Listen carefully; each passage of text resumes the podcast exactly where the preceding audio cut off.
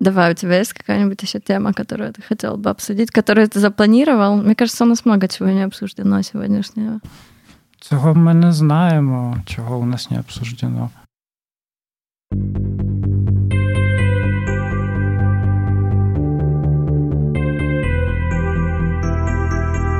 Добре, то можемо починати наш чудовий подкаст, який називається Карта Варшавяка. Ми не можемо вам пояснити, чому це карта Варшавяка. Точніше, ми дуже добре можемо вам це пояснити, бо карта Варшавяка це, перш за все, транспортна карта, яку можна отримати. Вона дає дуже багато знижок. Не всі знають, як її отримати. Mm. Деякі її ніколи не отримують, незважаючи на те, що мешкають у Варшаві дуже дуже довго. У мене, наприклад, нету такої карти. У мене теж її немає. А в мене є. І мені хотілося трошки сказати, не всі знають, які знижки ще там. Да, но на самом деле у меня была карта Варшавяка, точнее, у меня есть проездной, а, но, а, то есть можно получить проездной, каждый может его, купить, эту карту, а, но на самом деле, если ты живешь в Варшаве и можешь это задокументировать, то можно получить скидку и на проездные, и на какие-то другие мероприятия, но для этого нужно обычно либо показать ПИТ, либо за Мельдунек, то есть место регистрации, место проживания. Но в общем, да, мы назвали «Карта Варшавяка», потому что мы просто живем в Варшаве, записываем этот подкаст в Варшаве, и подкаст будет о нашей жизни, в жизни украинцев в Варшаве, о том, что тут происходит, как нам тут живется, что нам нравится, что нам не нравится, куда мы ходим, чем занимаемся, что нас злит, может быть, что, чем отличается наша жизнь здесь тоже от жизни в каких-то других местах. И этот подкаст ведет Павло. Привет, Павло. Так, усіх вітаю. І разом зі мною цей подкаст веде Вера. Привет, это я, да, до этого говорила. Ну и вам всем витания. Так, да, и, всем... и наша гостья прекрасная Розалия Кучерова. Павло, может быть, ты представишь Добре, чуть больше? Розалія акторка, акторка Чернігівського театру молодіжного. Також, якщо не помиляюся, Розалія теж співпрацювала з театром імені Леся Курбаса в Києві. А, То така студія. Студія, експериментальна студія. А також зараз Розалія має ангаж в театрі Рампа на Варшавському торгувку. А до кінця року. Mm-hmm. Так. Очень классно, что ты с нами сегодня. Мы очень рады. И с нами сегодня тоже есть а, сын Розалии, которого зовут... Ну, Андрюшка. Андрюшка. Анджей по-польску. Анджей. Если Анджей будет хотеть что-то сказать, то, пожалуйста, тоже можно. Что нравится, что не нравится. Да, и сегодняшний выпуск, первый пилотный выпуск, мы хотели бы начать с самого начала и рассказать о том, какие у нас были первые впечатления в Варшаве. Мы приехали все в разное время немножечко, и мне кажется, что эти впечатления будут отличаться. И, э, может быть, Павло Не знаю, це зараз в цьому випадку це буде трохи перероблена хронологія, тому що ти перша приїхала, я потім приїхав за тобою, і Розалія третя. Угу, Але за, добре, може друг може... за другом їхали. Так, так, скажімо, так це і було. Не знаю, де де Розалія опинилася, але ми, я і ти в різних роках опинилися на Варшаві Заходній, тобто на західному Варшавському автовокзалі. І автовокзал у цьому випадку звучить дуже добре, тому що він виглядає як велика кількість українських автовокзалів. Угу. І добре, я я приїхав до Польщі в 2016 році. Як пам'ятаю, це було 28 вересня. Мене викинули з автобуса, який потім їхав далі з Варшави на Щецін. Боже, я досі не можу вимовити Щецін нормально. Щецін. Щецін. Щечин. Добре, то автобус їхав на Щечин, мене викинуло в Варшаві з чотирма великими валізами. У мене не було інтернету. Якась дивна жінка намагалася разом зі мною знайти місце, де вона зможе купити сім-карту. І цілу дорогу перед цим ми разом з цією жіночкою провели неймовірну розмову, де вона мене питала, чи я теж їду на заробітки. Чи я знаю, як купити сім-карту, де знаходиться той Щечин, бо вона власне туди їхала. Ти вже тоді був експертом в її я глазах був по Варшаві. Я був перестрашеним 20-річним хлопцем, який взагалі не знав, куди він їде, і і по що. Я знав знав 10 якихось фраз польською, які встиг вивчити. І питання про те, як купити в Польщі сім-карту, для мене було дуже все-таки складним челенджем. Сім-карту я потім собі купив набагато пізніше, насправді. Що, що дві неділі нормально ходив по по Варшаві без сім-карти і приходив додому по інтернету, спілкувався з батьками. Ну і що? Я приїхав на ту Варшаву Заходню. Дуже здивувався, тому що ті думки, з якими я приїжджав до Польщі, як мені тоді здавалося, до дуже дуже дуже продвинутої європейської держави. Інтересно. Як то по польську кажуть, легли в грузах. Тобто, що в пил просто стерлися, коли я висів там на тому пероні 11-му. Хто не знає, 11-й перон це той, куди приїжджають усі українські, міжнародні українські, особливо автобуси. І зрозумів, що ну, щось тут якби від моєї рідної Полтави воно не дуже відрізняється, тому що як я сівся на автовокзалі АС-1 на вулиці Великотирнівській в Полтаві, так висів на вулиці Високотирнівській в Варшаві. В Варшаві, тому що це виглядало для мене тоді так само. І в мене був дуже великий культурний шок. Тому що одне, коли ти бачиш в новинах в інтернеті від якихось своїх знайомих історії про те, яка Польща вже продвинута uh неймовірно заавансована, як то кажуть поляки, і економічно розвинута, а потім приїжджаєш на цю Варшаву Заходню і розумієш, що та ні, ми ще, ще схід все-таки разом з нами. uh Ну и, ну и ось. Слушай, интересно, потому что я приехала в Варшаву в 2011 году, очень-очень давно. Я всегда рассказываю, что я приехала 7 лет назад, а потом вспоминаю, что это было все-таки больше, немножко не верится. И я, когда ехала, наверное, в 2016 было тоже уже другое в Украине впечатление о том, как как выглядит Варшава, но мне всегда казалось, что Польша не сильно отличается от Украины в моем каком-то таком а, вымышленном а, мной, наверное, мире. И а, я думала, что Варшава это такая же, такая же, как Киев, такая же, как какие-то небольшие областные центры в Украине. И несмотря на то, что, да, Дворец Заходний это, конечно, очень э, специфическое место, мне кажется, оно все-таки неадекватно немножко отдает атмосферу Варшавы. Э, и потом я была очень удивлена тем, как на самом деле Варшава выглядит. Но я тоже приехала на Дворец Заходний, тоже чувствовала себя ужасно, везла свои вализы по лужам и думала, Боже мой, нет, я тут надолго не задержусь. А ти, Розаля, як у тебе? А в мене ця поїздка через те, що відбувається зараз, тобто mm. через війну. А ми пробули в Україні 13 днів. 6 е, березня виїхали з Чернігова, і то вже був гуманітарний коридор. Mm-hmm. То вже було досить непросто виїжджати. І е, переночували в е, військовому, е, боже, як то центр, якийсь зараз точно не назву, як то називалося, mm і е, в Києві. І потім е, ще в нас одна ночівля була у Львові. mm І е, то наші друзі сказали одразу через кордон, тому що, ну, якби. Е, якби люди, які налаштовані політично е, проти України, вони вже всюди. Ну тобто, я не знаю, росіяни або просто ті люди, які підтримують. В смысле, во Львові це було? Ну, що що вже є всюди, і вже є якісь. Ой, sorry, то машинка впала, ми граємось паралельно. А... Хоч хтось хорошо проводить время. Ні, я шучу, ми все е, хорошо да, проводимо. І то найперше через дитину. Андрюшки ще немає трьох років. А, От і я розуміла, що вже як там відбувалося в Чернігові такі події, що то вже були е, жилі будинки, були садки школи, і що ну, лишатися немає сенсу і треба рушати. І якраз е, я е, хочу подякувати за допомогу. Е, з Дах Дотерс, ну, взагалі-то центр mm-hmm. Дах. Е, Анна Нікітіна, яка згадала, що ми в Чернігові, і дала нам контакти військових, ну, тобто людей, які гуманітарно. Mm-hmm. И якби завдяки цим людям мы выехали. Мне кажется, очень классно, да, что эти все-таки сети социальные стали проявляться, какие-то еще давние.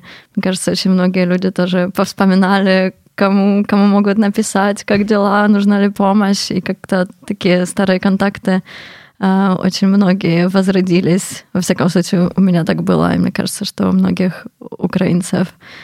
Mm-hmm. А, поэтому, да, у тебя, наверное, совсем другой контекст приезда. Мы все-таки с Павлом такие экономические мигранты, да. Хотя тоже был какой-то шок, но совсем, наверное, другой. А тут такая ситуация просто, что Ну чому Польща? По-перше, те, що поряд, да, е, сусідня mm-hmm. держава, по-друге, мова більш така зрозуміла, бо я е, собі не планувала якихось таких далеких поїздок. У мене mm-hmm. все було добре. Праця, яка я люблю, тобто дім, е, родина і. Е, Ну, в мене ще мама з польських татар коріння. Угу. І тому я якось так воно все склалося. Їхали ми через Краків. На кордоні нас забрали берлінські баптісти. Вау. З дітьми да, там забрали скільки було місць, кого піймали, так би мовити, хто погодився. uh А там ми е, подружилися, заночували дуже гарних волонтерів, е, молодих е, хлопців. uh Один поляк, один українець. Забула з якого міста, здається, Сум, якщо не помиляюсь, uh-huh. і то якраз він був весь час на зв'язку з мамою, uh-huh. щоб вона виїхала, бо нам теж було вже складно виїжджати. І е, потім ми там е, трошки прийшли до тями е, десь дні два, і тоді вже рушила, бо тут в мене друг документаліст, е, кінодокументаліст, е, дівчинка-подружка ще з Києва, її подруга, і е, під Варшавою в мене подружка театральний художник угу. в Сквірнівіце. Ну тобто там вже де є хтось трошки свій. Які-то контакти, да, так завжди легче, да, але вийшли ми з Андрюшкою ззаду рюкзак. А спереду mm-hmm. на хіпсіту, на такому стульчику, якби який в мене на бедра е, чіпляється, mm-hmm. то півваги дитини не відчуваю. Ми вийшли так е, з ним, з рюкзаком і з Андрюшкою е, на центральному вокзалі. Mm-hmm. А, і то, то нас вже зустріли якби друзі-друзі, волонтери. В то время, наверное, очень много людей тоже было на вокзалах, и Думаю, що немножко теж по-другому виглядало. Ну, нас так зустріли одразу таксі, тобто одразу, щоб нам uh-huh. там замовили піцу, тобто нас так оточили таким якби теплом. Опекою. Да, uh-huh. щоб ми е, швидше якби реанімувалися, одразу дитяча кімната е, з дітьми, з батьками, uh-huh. і кожного дня там відбувалися якісь цікаві події. то Лена Голосій, вона е, також здається кінодокументаліст-режисер, друг наших друзів Наталі е, Бурлаченко. І то вона вже вісім або більше навіть років у Варшаві також. Угу. І то вона зараз є ще режисером Бардерляйн вистави в театрі Рампа угу. на документальних подіях, яка побудована. Ти там чотири акторки. Там так. участие тоже, да? Я беру там участь, так. І та, ви граєте його як-то постійно? Це в репертуарі? А, як це виглядає? Ну, він прийш... вистава пройшла тільки дві прем'єрні вистави були в минулому місяці. Угу. От. І е, далі е, в нас ще має відбутися п'ять вистав, то вже як е, графік відбудує е, якби театр. Угу. А зараз маємо репетиції з підлітками, угу. і е, то е, така якби вистава по різним локаціям в театрі. І якби ми як в якості режисерів, угу. трохи постановників. Oh, wow. да, то цікаво досить.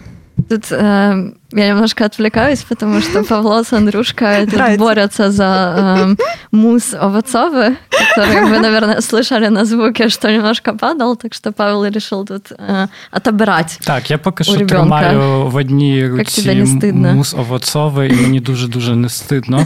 А з другою рукою тримаюся тут за кріслом, на якому я сиджу.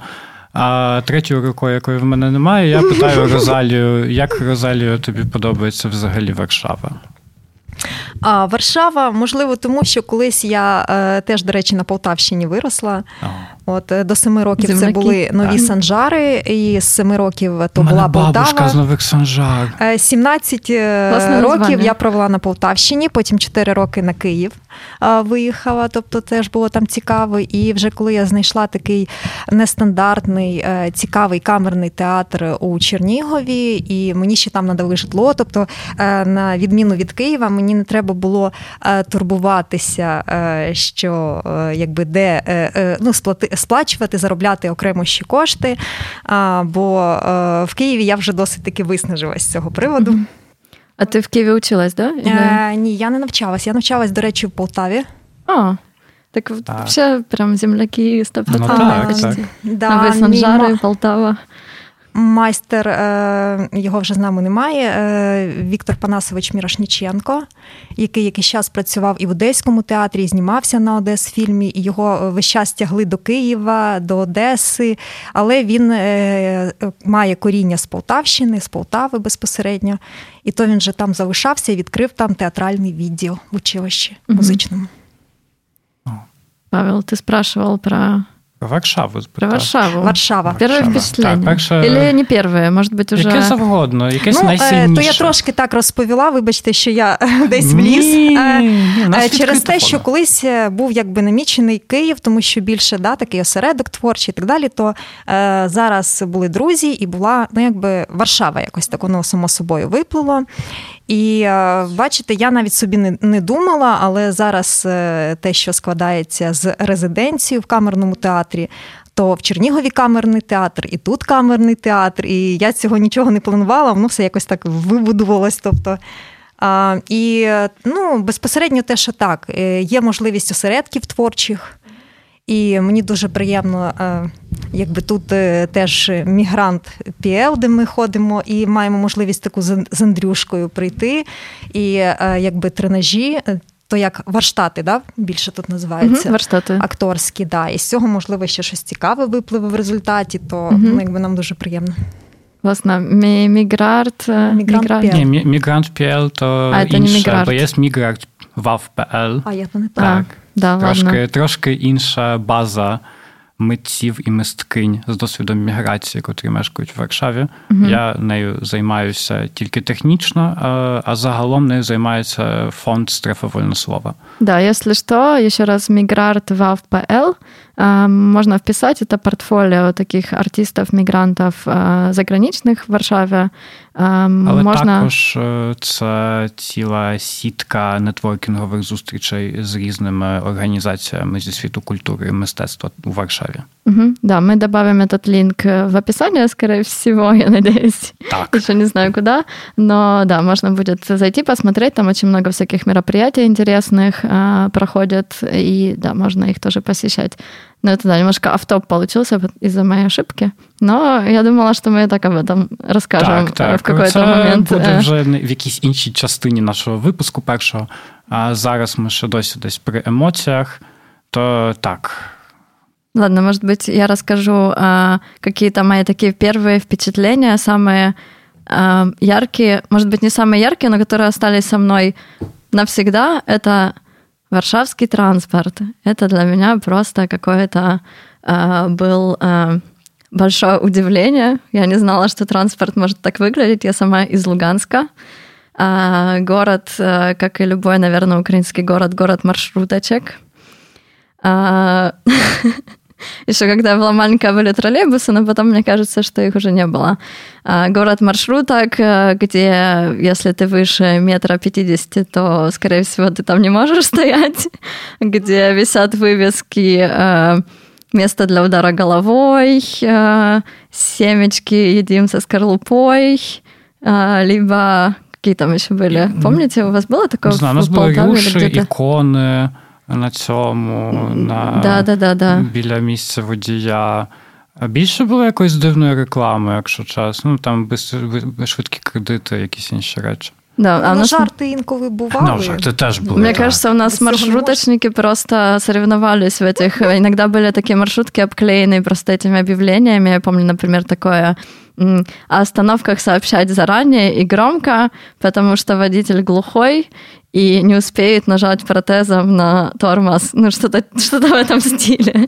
На самом деле было очень много, и они были все не смешные. А, и как бы уровень комфорта в этих маршрутках соответствовал как бы, и, и, и этим, этим объявлениям. вот, поэтому, да, варшавский транспорт для меня это сначала было прямо вот уже 10 лет назад, это был для меня шок э, в положительном смысле.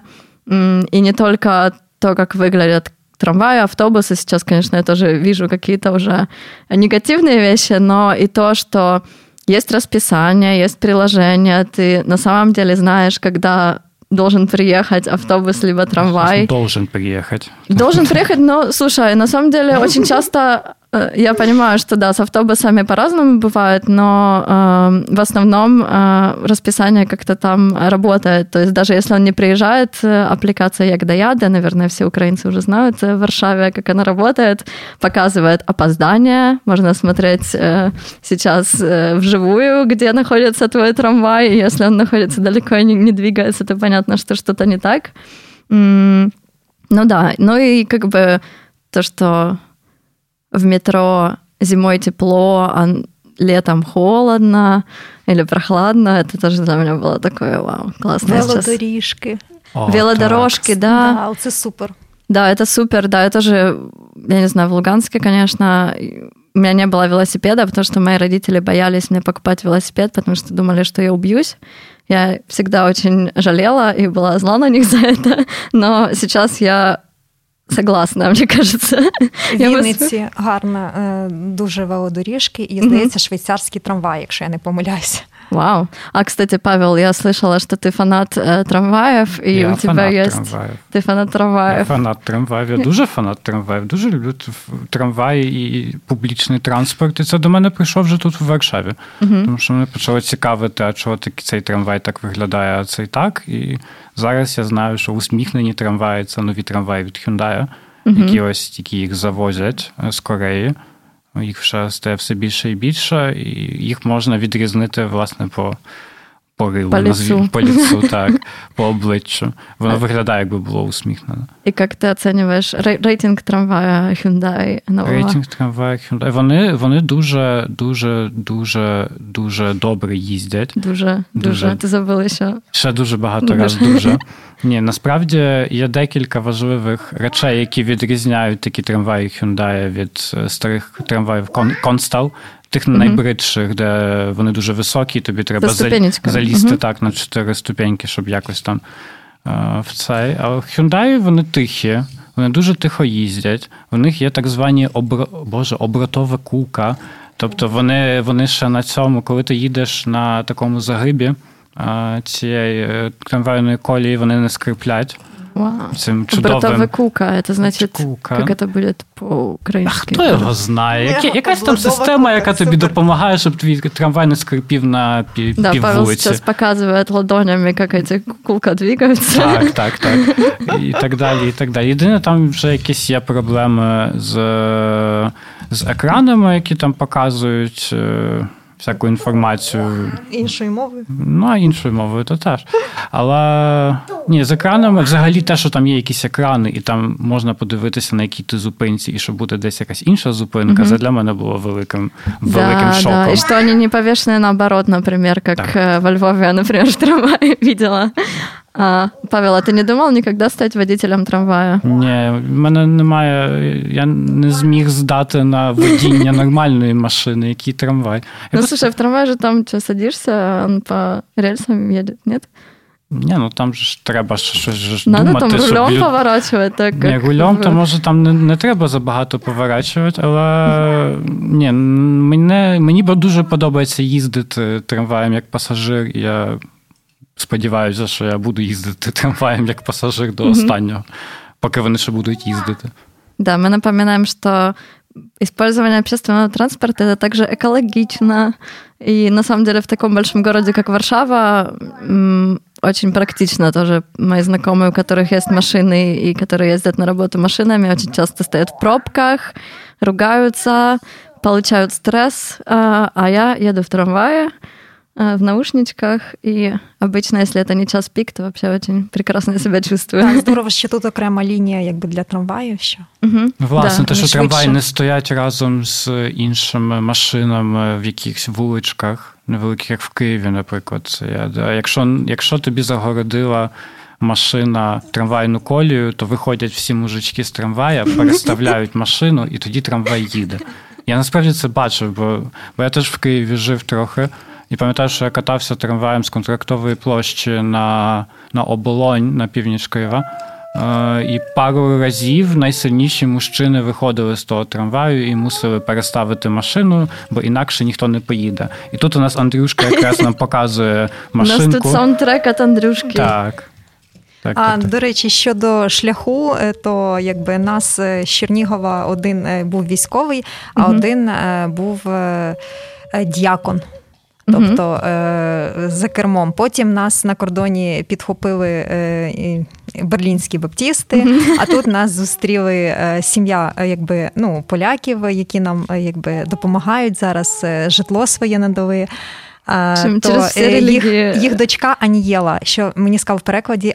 Янгол. Угу. Так, да, То я да. так знаєте, такий шлях прослідкувала, так що. Е, хочу скористатися е, якби е, можливістю запису і подякувати mm-hmm. сім'ю Гжешик, Кася, Анієла, Кароліна і Яник. Це їхні діти, троє останні, Марковські. Ось і Гжешик то політичний журналіст, до речі. Так що дуже вдячна. В мене відчуття такої, якби родини, підтримки. І ем, ну, маю надію, що ми з ними друзі. Так, то ви про Варшаву вже розказали, я можу розказати про Варшаву. А ти не розказав, я да, не розказав Ну про ладно, давай. про трамвай. Ну, Якщо ти то... хочеш про велодорожки розказувати, то розказуй. Так, а що? У мене дуже класні велодоріжки, бо я живу на іншому березі. Вісли. Я mm-hmm. завжди путаю, бо чомусь у поляків це правий берег Вісли, а для мене це лівий берег Вісли. Чому? Не знаю. Подожди, Мені ну... здається, що це питання від того, як ти стоїш, якби як ти смотриш на, на карту? Так, як ти дивишся на карту Варшави, як з картою Варшавяка, так дивишься на карту Но Варшавы. на самом деле ты знаешь, да, как считается обычно? Мне кажется, это международное правило, что я в какую сторону течет река, где у нее исток и устье, и в зависимости я от этого правый и левый берег. То есть тебя, представь, что ты плывешь Вислой, так. тебя несет течение. Так. По правой ну, стороні на... правий берег, по лівій стороні бер... лівий берег. Ти мене нав... От бачите, от бачите, ми розмовляємо про одне, а тут ще у нас образовательний, так, едукаційний просто подкаст, бо я тепер знаю, що я живу на правому березі, і це не того, що, що поляки дивляться інакше на Потому карту. Тому що в правій руці ложку держиш. Ні, того, того, що витікає, витікає та сала вісла з півдня Польщі і тече на північ. А Дніпро наше кохане витікає з півночі і тече на південь. Ну да, тут легко, звісно, тому, запутатися. Тому інший я... берег. Я так подумала, що асоціації з іншою місцевістю. Угу. Вот. Но на самом деле другой берег, мне кажется, в Варшаве это всегда значит тот то, берег, то, где, то, на то, котором то, ты живешь. Живу, Правый берег, потому что мне кажется, что центр и такие самые популярные районы, популярные, это плохое слово, да, ну, центр, хорошо, остановимся, центр города находится на левом берегу, поэтому правый, некоторые его центр. боятся, некоторые его обожают, но никто не остается равнодушным. Ой, так, це правда, це Прага. Так звана Прага. Прага взагалі ділиться, що там на 10 різних дільниць, так званих міні, міні-райончиків. І мені довелося жити на тій ліпшій частині, бо Прага ще ділиться так на Прагу північну і на Прагу, так, і на Прагу південну. Я подожди, на... подожди, ми що зараз о Чехії говоримо? Ні. О. О, ні, це район Варшави. Прага від слова пражич. Да. Так. Пражить это значит... Э, опекать? Не опекать. Э, выжженный... Да. Там раньше был так. выжженный лес, она построена на выжженном... На земле, которая была выжжена когда-то, и поэтому она... Да, слово «пражить» э, и район Прага. Так. Э, но, например, даже варшавские политики, э, которые баллотируются в выборах, э, не помню, что это был президент Варшавы, использовали в своем рекламном споте, рассказывали о районе Прага, и видео летело с Праги чешской, и это очень видно было. То есть кто-то кто-то плохо сделал свою работу. Ну, переплутав одну літеру, ну, бо в польській то Прага як район. Не, ну перепутал целый, целый город, как он выглядит, то есть это была визуальна часть. Ні, ну мені здається, що тут більш концептуально, тому що на Празі, нашій Варшавській Празі, залишилось дуже-дуже дуже багато старої забудови. Угу. Да, это единственный не... район, так. который как-то там сохранился очень так, много старих кам'яниць. не розбомбили. І угу. тому, може, вони хотіли зробити таку алюзію, що ми вам зробимо тут з Праги, Праги через G Prahę przez, przez H. Да, на Праге, кстати, живет, скорее, мне так кажется, что по статистике больше всего украинцев и украинок. А, Розаля, а ты в каком районе сейчас живешь? А, район Жалібош. Жалибош. Вау. А, Жалибош. Жалибош. Это французское Ну. слово. No, a Żoliborz jest bardzo fancy. Да, мне кажется, это самый э, дорогой район, если там снимать жилье по рыночной цене, хотя сейчас в Варшаве, мне кажется, все районы дорогие. Но да, Жалибош очень классный. Я тоже когда-то жила возле Кемпы Потоцкой. Там возле, возле виллы Ярослава Качинского знаменитой, где можно ее узнать по полицейским бобикам очень часто.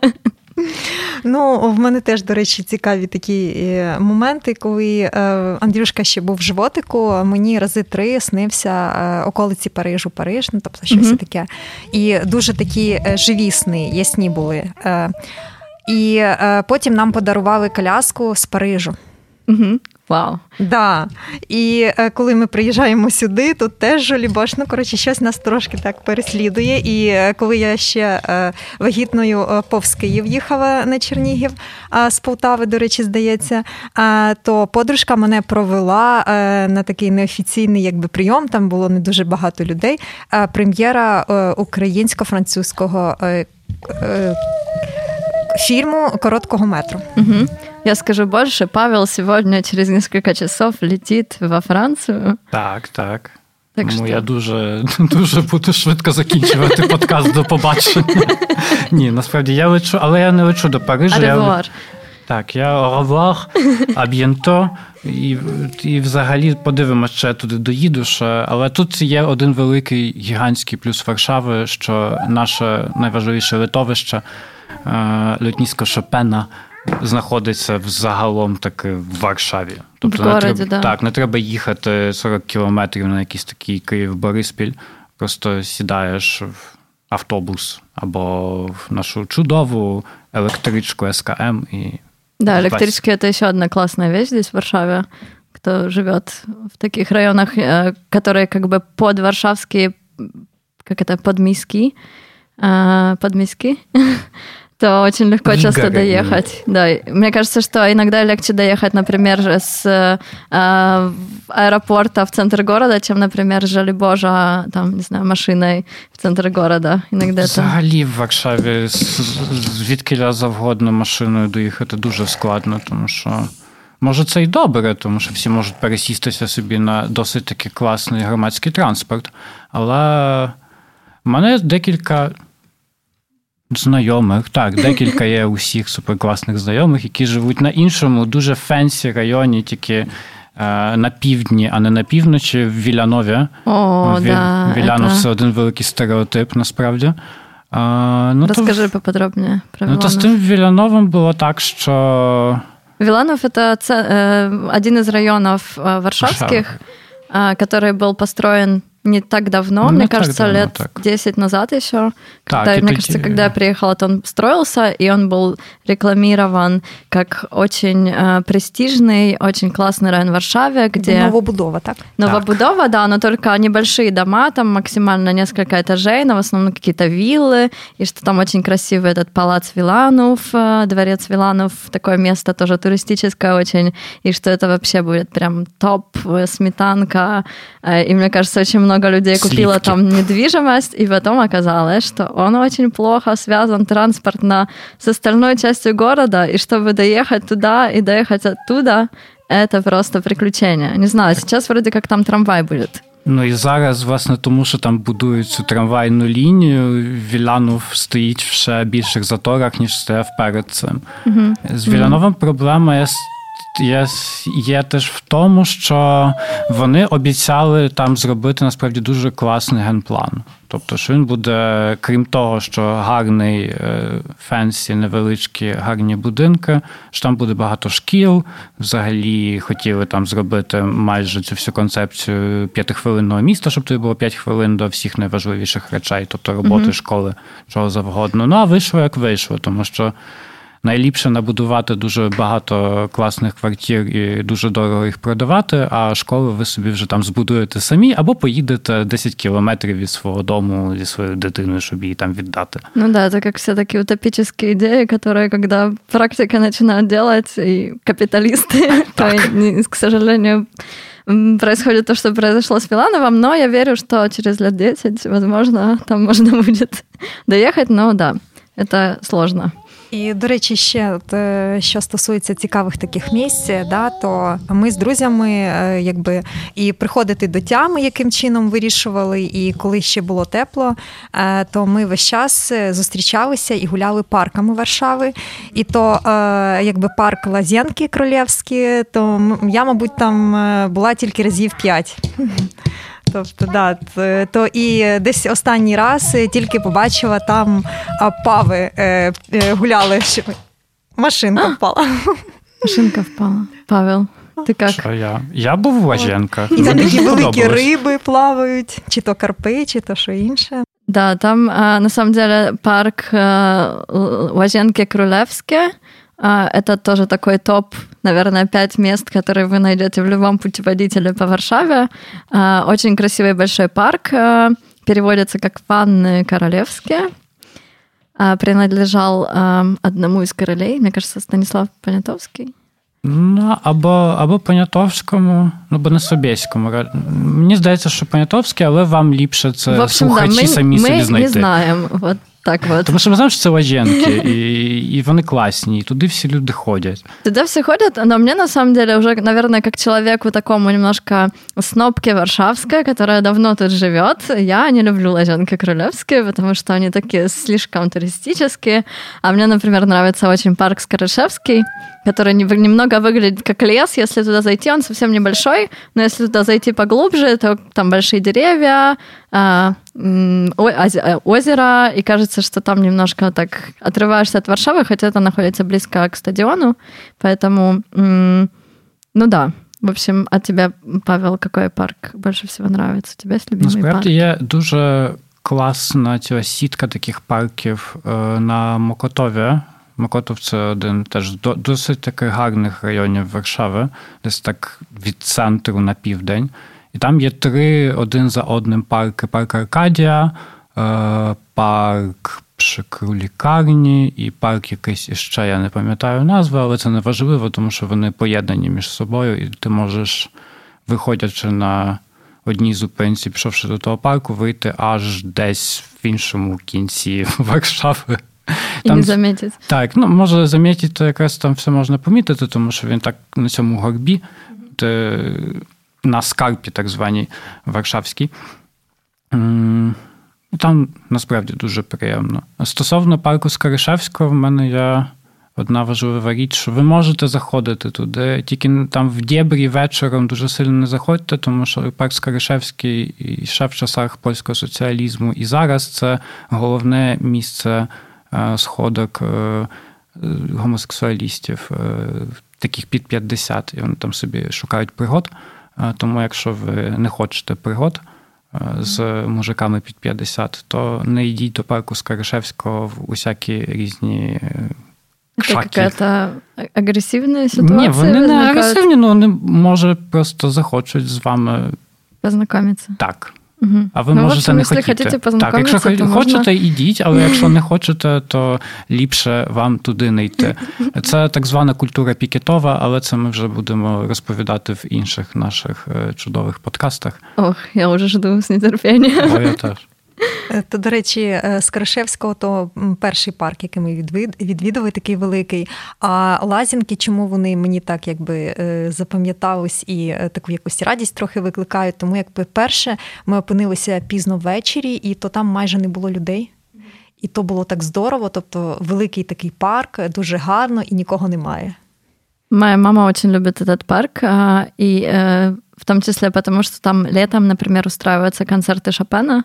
Там есть такой большой памятник Шопена, там ставят рояль, и люди собираются, не помню, в субботу, в воскресенье есть всегда такие большие концерты. И такое очень классное тоже место как на картинках со стоков, знаете, когда газон зеленый, люди лежат на разложенных полотенцах, наслаждаются музыкой. В общем, какая такая, как это у нас сказать, блаженная атмосфера немножечко. Да, так что в любом случае стоит его посетить, потому что там не только как бы парк, парк, то есть деревья, кусты и трава, но также памятники, э, двор, дворец, там также находится галерея современного искусства ЦСВУ э, замок Уездовский.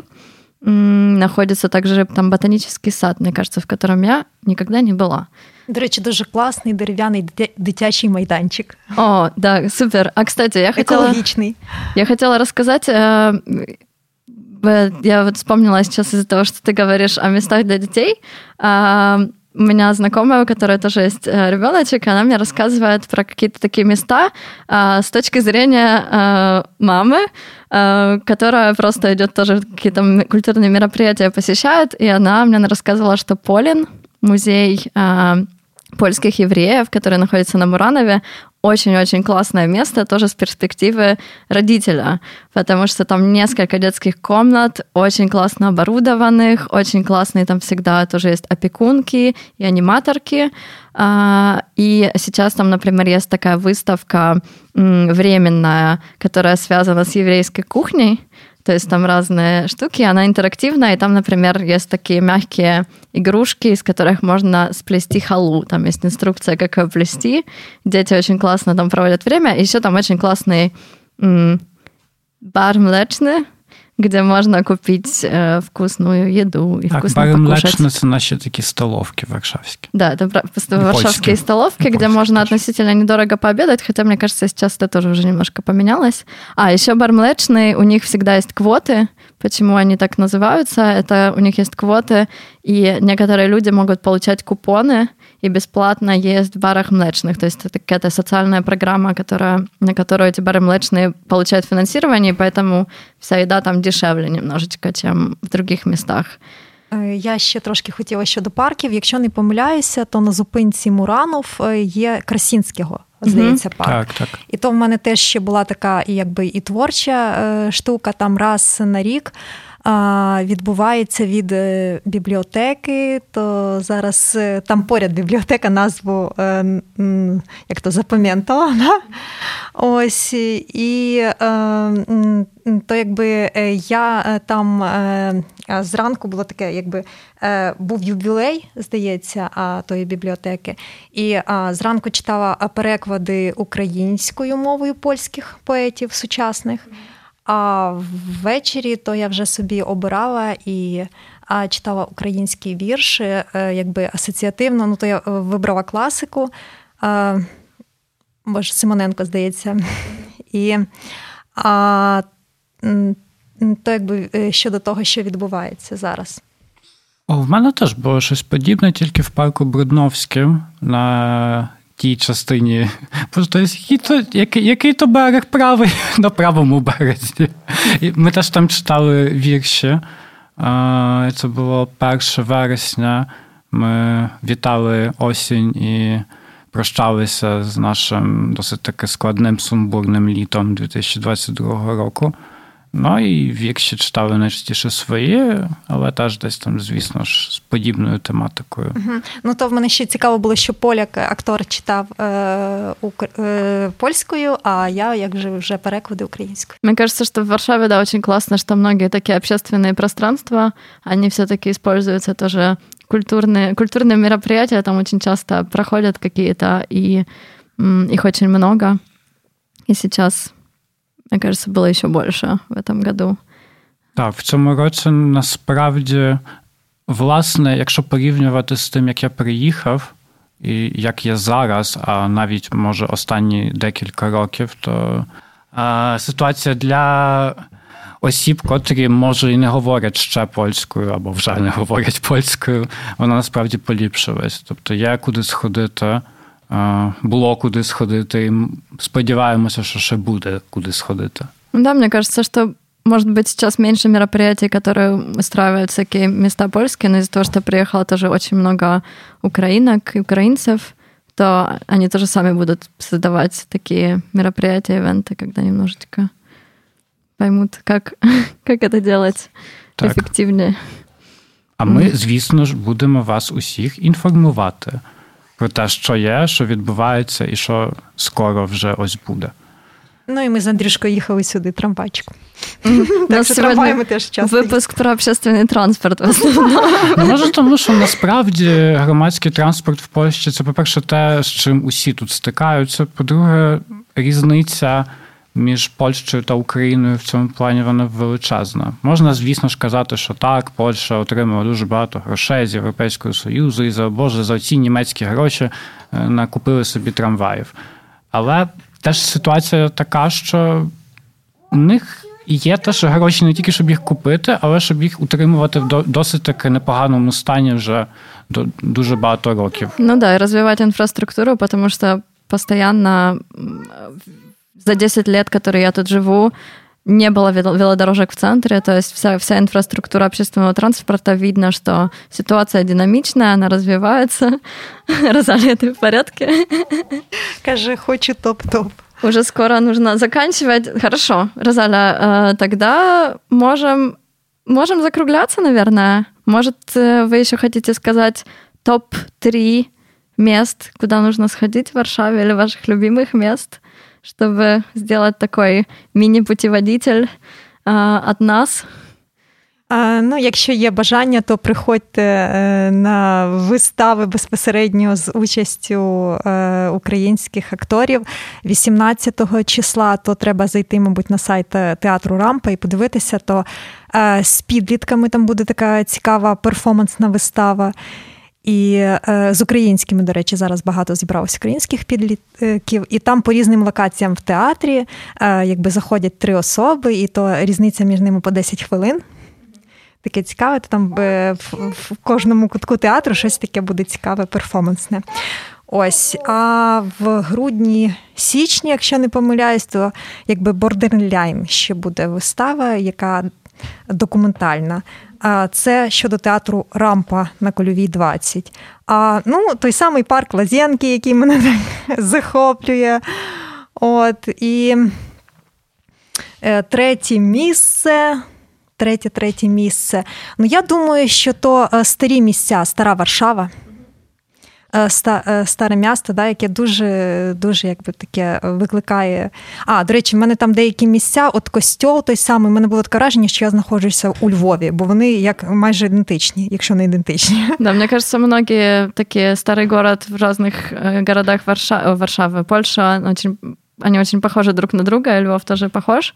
А, но да, старий город, який на самом деле не старий, но так, його він стоїть... з 50-х років 20-го століття, але ну, дуже дуже добре відбудований. Так. І в мене деякі асоціації дуже сильно були, якби там, де вгору підніматися, такі гарні е, якби е, будови старовинні з Києвом асоціації теж були кам'яні, е, якби е, кам'яна дорога, да, тобто.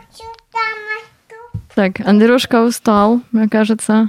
Добре, то швидко мій топ-3. Давай, Це бистро, бистро, бистро. Плац Гжибовський.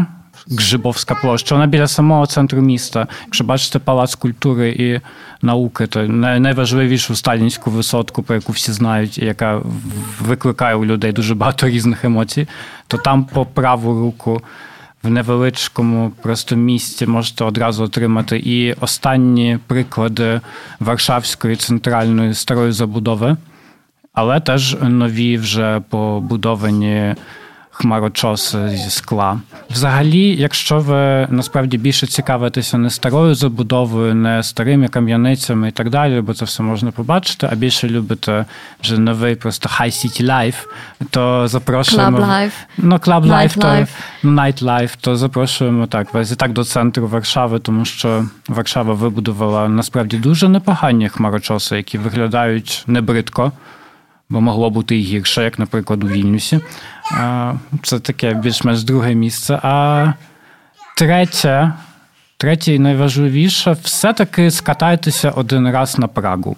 І на ту Прагу Пулноц, тому що там побачите насправді ще живі, може трохи не завжди не завжди добре виглядаючі кам'яниці, в яких насправді навіть навіть всередині видно, що вони з 19 століття, а не відбудовані в 50-х роках. Да, мне кажется, я хочу тебя очень сильно поддержать и сказать, что съездите на Прагу, но не один раз, а, потому что это тоже район, который сейчас проходит такой процесс гентрификации, очень неприятный, очень быстрый, очень трудный для жителей Праги. И м, очень многие места, скорее всего, скоро не будут выглядеть так, как выглядят сейчас. Поэтому стоит увидеть, а, стоит походить. Я повторю Полин. Мне кажется, это музей, который стоит посетить. Это также очень красивое здание, оно выглядит как такой каньон, оно там получило кучу наград каких-то архитектурных, а, и на самом деле там очень классные временные выставки, но также и постоянная выставка очень интересная. И э, это один из первых музеев, где э, путеводители, путеводительницы, как называются, экскурсоводы, экскурсоводки по музею э, начали говорить э, и проводить экскурсии на разных языках, в том числе украинском, на русском. Э, так что да, они, в общем, там продвинутые молодцы.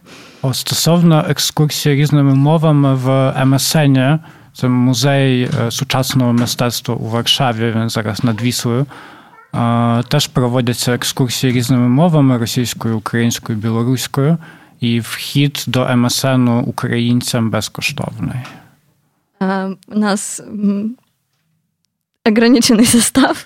Так, ми, у нас зник Андрюшка і зникла Розалія. Потому что тому, Павел що... очень скучно рассказывал про так. свой топ-3, поэтому... Ну і Андрюшка хотів топ-топ, а це був не той топ-топ, який треба нам. Так що...